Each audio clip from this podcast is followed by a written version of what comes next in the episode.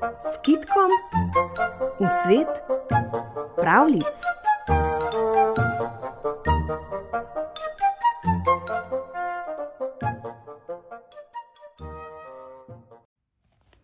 Je bil enkrat en gospod, prav bogat, vsega imel za dosti.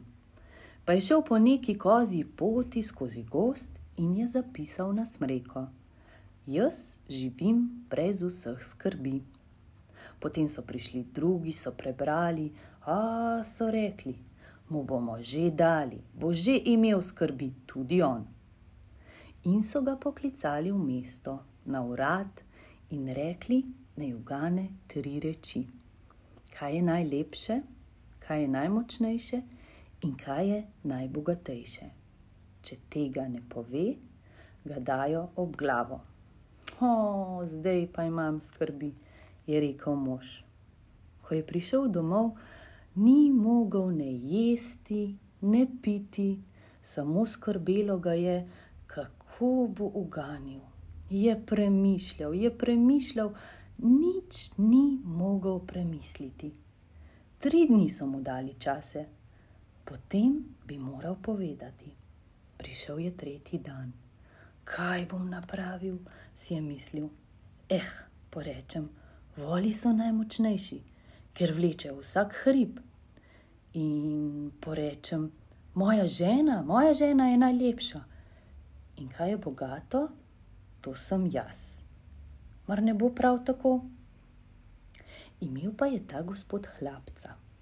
In hlapec je vprašal: Pa kaj vas tako skrbi?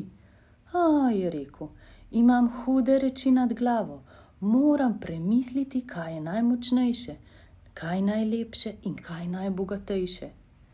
Hlapec je dejal: Grem pa jaz na mesto vas v mesto.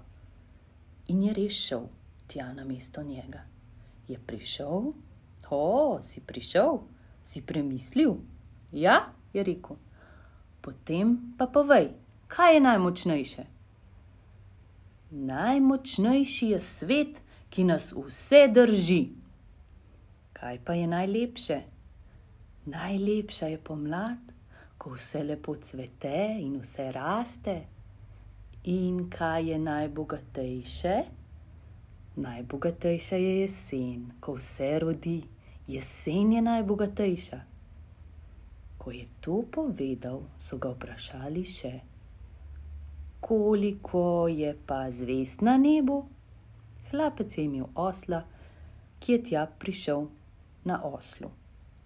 Zvest je rekel, zvest je pa toliko, kolikor ima moj osel dlak. Če ne verjamete, pa štejte, zvezde in oslovske dlake. Bravo, so rekli, in je bil prost, in je svojega gospoda rešil skrbi.